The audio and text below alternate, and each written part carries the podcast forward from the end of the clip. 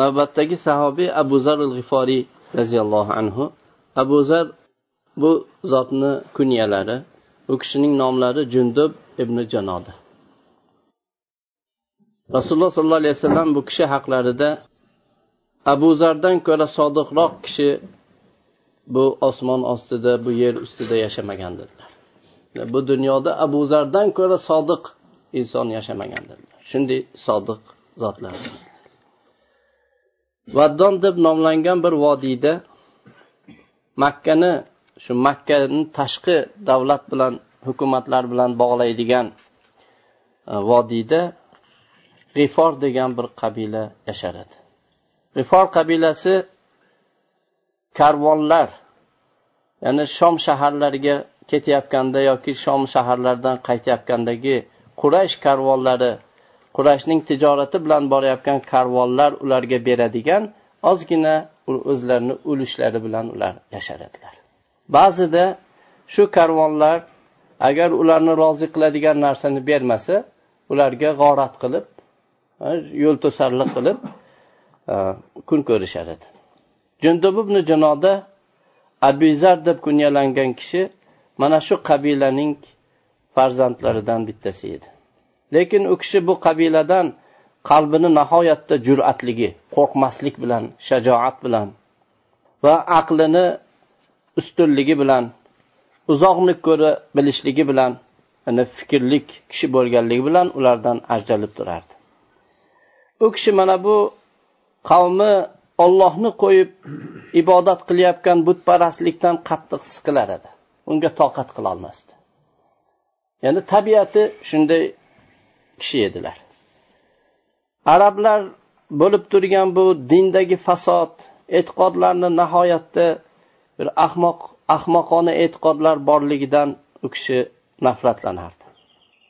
Va odamlarni aqllarini qalblarini to'ldiradigan va zulmatlardan insonlarni nurga olib chiqadigan bir yangi payg'ambar chiqishiga intilib shuni kutib yurardi.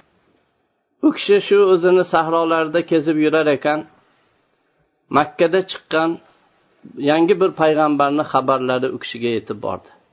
Shunda anis degan bir ukasi bor edi ukasini chaqirib baraka topgur uka sen makkaga bor dedi. Va bu o'zini payg'ambar deb davo qilayotgan bu, bu kishini ishlari haqida xabardor bo'l. Uni e, xabarlardan voqif bo'l. Keyin u kishi o'ziga shu osmondan vahiy kelyapti degan ekan bundan xabardor bo'l. So'zlariga quloq sol va menga shu u kishini shu so'zlaridan xabarlaridan olib kel dedi. Dedi. Abu zar roziyallohu anhu ukasini ukalari makkaga qarab ketdi. Rasululloh sollallohu alayhi vasallam bilan uchrashdi.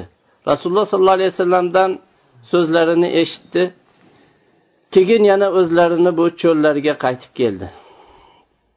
Abu zar roziyallohu anhu juda katta ishtiyoq bilan ukalari bilan uchrashdilar. Va nabiy yangi payg'ambarni xabarlari haqida katta zavq bilan ukalaridan so'radilar. Ukalari aytdiki allohga qasamki bir yaxshi axloqlarga chaqirayotgan bir kishini ko'rdim dedi. Bir so'zlarni gapiradi u she'r emas dedi. Odamlar u haqda nima deyapti? deb so'radi. Ukalari aytdiki odamlar u kishini sehrgar folbin shoir deb aytyapti dedi.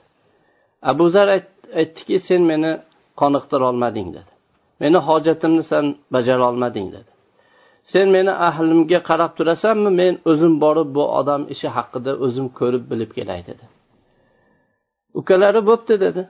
Lekin ahli makkadan nihoyatda ehtiyot bo'ling dedi. Ahli makkadan e, ehtiyot bo'ling ular yana bu borib e, ko'rib kelgan edi. Abu zar o'zlariga yo'l oziqalarini oldilar. Bir kichik meshlarini suv idishini oldilar. Shu erta tongda turib makkaga qarab payg'ambar sallallohu alayhi vasallamga yo'liqishlikni xohlab jo'nab ketdilar. Va rasululloh sollallohu alayhi vasallamni xabarlaridan o'zlari voqif bo'lishlik maqsadida ketdilar. Abu zar roziyallohu anhu makkaga qo'rqib makka ahlidan ehtiyot bo'lib makkaga kirib bordi. Chunki qurayshlarni o'zlarini xudolari uchun nihoyatda darg'azab bo'lganliklarini xabari ularga yetib borgan edi va muhammad sallallohu alayhi vasallamga ergashishlikni ko'ngli xohlagan kishilarga qattiq azob berishlari xabari yetgan edi shuning uchun rasululloh sollallohu alayhi vasallam haqlarida biror kishidan so'rashlikni kerak ko'rdi. Chunki bu so'raydigan odami u kishini tarafdorlaridanmi yo dushmanlaridanmi bu abu zar bilmas edi. Kech kiruvdi masjidda yotib qoldi. Ali ibn abi tolib roziyallohu anhu uni oldidan o'tib ketayotgandilar. Qarasalar bir g'arib kishi. Ey kishi dedilar yuring biz bilan birga yur dedilar. Va ali bilan birga ketdilar. O'sha kecha alini huzurlarida alini uylarida yotdilar. Ertalab yana meshlarini xaltalarini ko'tarib masjidga u ikkalalari bir birlaridan hech narsa so'ramasdan yana qaytib ketishdi. Abu zar bu ikkinchi kunni ham payg'ambar sallallohu alayhi vasallamni taniy olmasdan ikkinchi kunni ham o'tkazdilar. Kech bo'luvdi yana o'zlarini joylarida yotgan edi. Ali ibn abi tolib roziyallohu anhu o'tib qoldilarda voy siz sizga bu o'zingizni joyingizni bilish vaqti kelmadimi? Bu yerda qolmang dedi. Keyin yana birga turib ketdilar. Ikkinchi kechani ham ali roziyallohu anhuni oldilarida o'tkazdilar. Lekin bir birlaridan hech narsa so'ramadilar. Uchinchi kun bo'lganda ali roziyallohu anhu bu sheriklariga siz makkaga nima e, uchun kelganligingiz haqida menga gapirib bermaysizmi? dedi. Abu zar aytdiki agar meni talab qilayotgan xohlayotgan ishga siz yo'llasangiz shunga va'da bersangiz men aytaman dedi. Nimaga kelganimni aytaman dedi. Ali roziyallohu anhu uni xohlagan narsasiga ahd berdilar. Shunda abu zar aytdiki men makkani uzoq yerlardan qasd qilib keldim yangi payg'ambarni bilan uchrashishlikni xohlab u kishi aytayotgan narsalardan eshitishni xohlab keldim dedi. Ali roziyallohu anhu shunda yuzlari yorishib xursand bo'lib ketdilar. Aytdilarki allohga qasamki u haqiqatdan ham ollohni payg'ambari u kishi bunday u kishi bunday deb rasululloh sollallohu alayhi vasallamni u kishi ta'riflab ketdilar. Ertalab bo'lsa menga ergashasiz. Men shu qayga yursam meni orqamdan kelasiz. Agar sizga qo'rqadigan biror narsani ko'rsam shu suv to'kayotgan kishiga o'xshash bo'lib turaman e, shunda ehtiyot bo'lasiz. Agar yana yursam ergashib kelasiz men kirgan joyga kirasiz dedilar. Ali roziyallohu anhu. Abu zar bu kecha kechasi bilan u kishi qaror topib uxlolmadi. Rasululloh sollallohu alayhi vasallamni ko'rishlikka shavq qilib rasululloh sollallohu alayhi vasallamga vahiy qilinayotgan vahiydan eshitishlikka zavq qilib u kishi uxlolmadi ertalab ali roziyallohu anhu o'zlarini mehmoni bilan rasululloh sollallohu alayhi vasallamni uylariga qarab ketdi. Abu zar ham bu kishini orqasidan ergashib borar edi. Abu zar hech narsaga qaramasdi. Ali roziyallohu anhu kir, abu zar ikkalalari kirdilar. Shunda abu zar roziyallohu anhu rasululloh sollallohu alayhi vasallamga assalomu alayka ya rasululloh dedi. Rasululloh sollallohu alayhi vasallam va alayka salamullohi va rahmatuhu va barakatuh dedilar.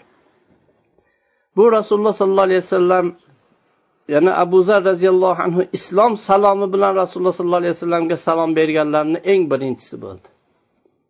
Alloh taoloni bir ne'mati edi abu zar. Assalomu alayka deb shu salom bilan keyin bu salom shundan keyin shoyi bo'lib om bo'ldi.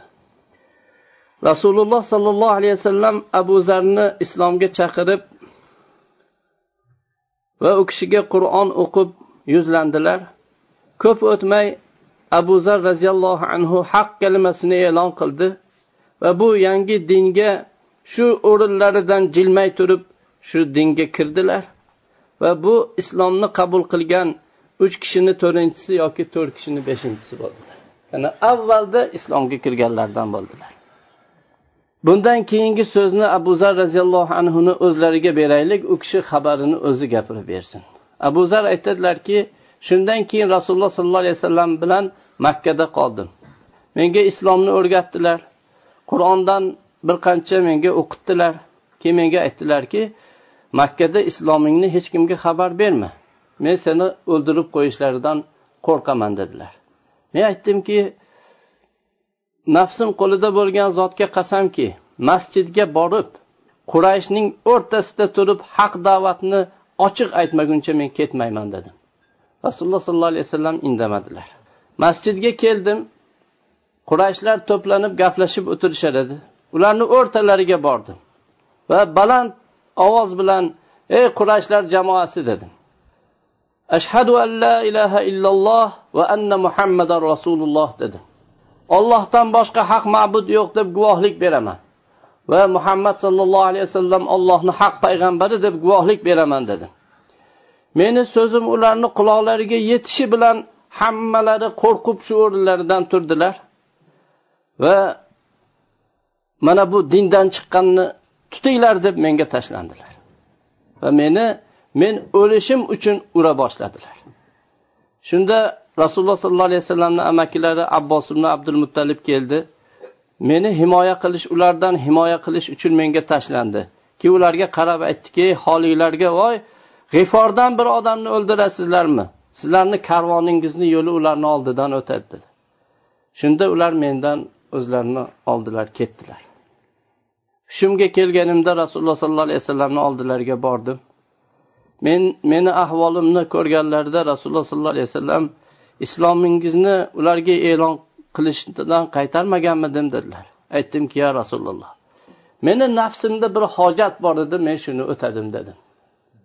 Shunda rasululloh sollallohu alayhi vasallam endi qavmingni oldiga qayt dedilar. Va bu ko'rgan eshitganlaringni qavmingga xabar bergin. Qavmingni ollohga da'vat qilgin. Shoyatki alloh taolo sen bilan ularni foydalantirib ular haqida seni olloh ajrlantirsa dedilar. Keyin qachon meni bir g'olib zohir bo'lganim xabari yetsa meni oldimga qaytib kel dedilar. Abu zar aytadilarki men ketdim. Qavmimni joylariga yetib bordim. Ukam anis menga uchradi. Nima qilding dedi. Ha meni qilgan ishim islomni qabul qildim tasdiqladim dedim. Alloh taolo uni ham qalbini ochdi. Men seni diningdan qaytib nima qilardim dedi. Men ham islomni qabul qildim men ham tasdiqladim dedi. Keyin onamizni oldilariga bordik. U kishini ham islomga da'vat qildik.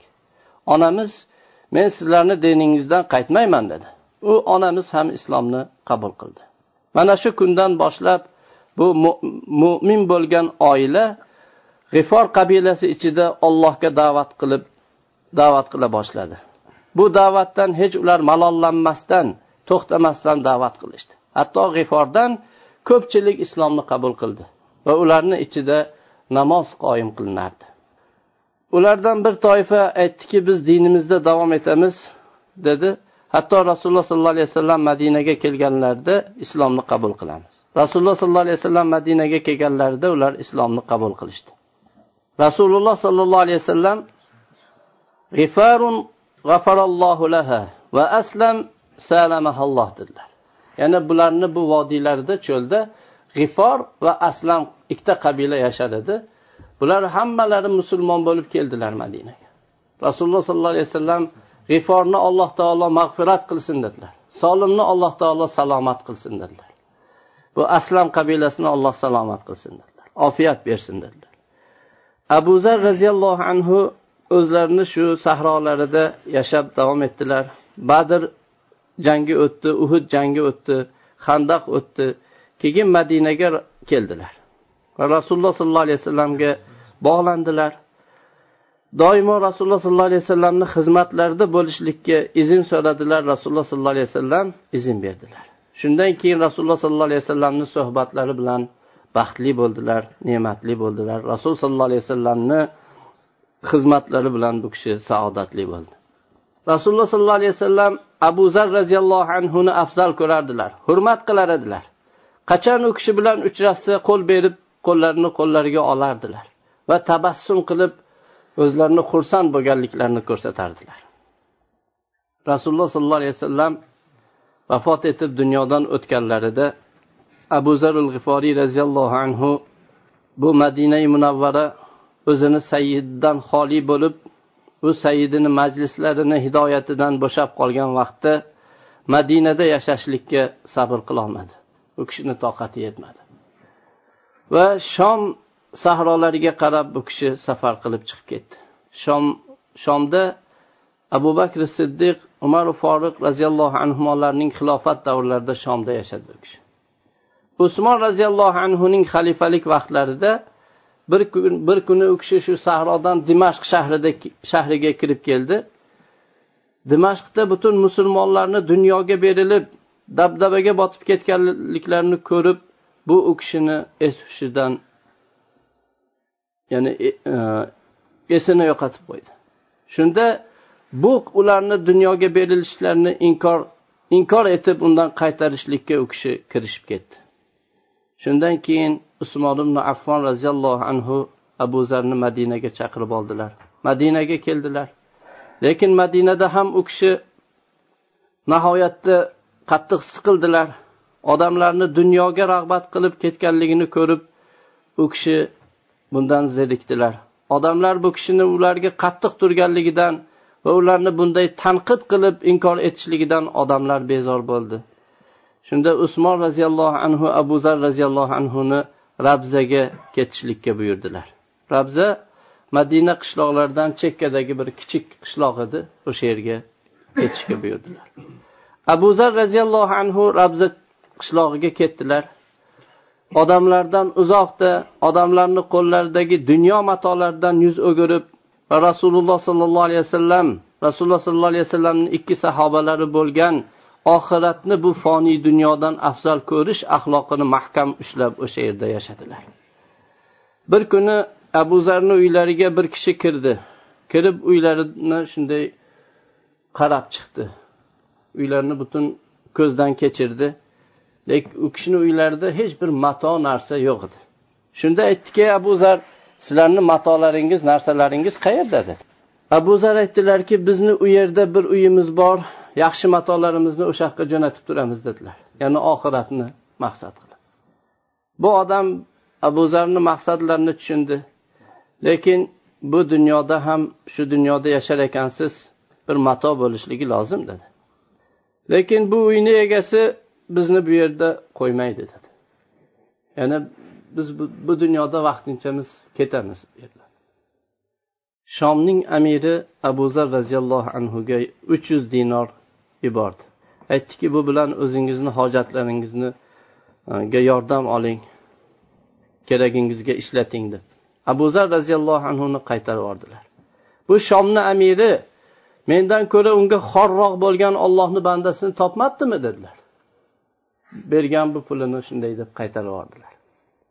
Hijriy o'ttiz ikkinchi sanada alloh subhanava taolo bunday obid zohid rasululloh sollallohu alayhi vasallam u kishini haqida abu zardan ko'ra sodiqroq kishi bu yer ustida bu osmon ostida yashamagan degan bu kishini alloh taolo o'ziga ixtiyor qildi u kishi shu yilda vafot etdilar alloh taolo rahmat qilsin alloh ulardan rozi bo'lsin va ularni alloh rozi qilsin سبحانك اللهم بحمدك أشهد أن لا إله إلا أنت أستغفرك وأتوب إليك السلام عليكم ورحمة الله وبركاته.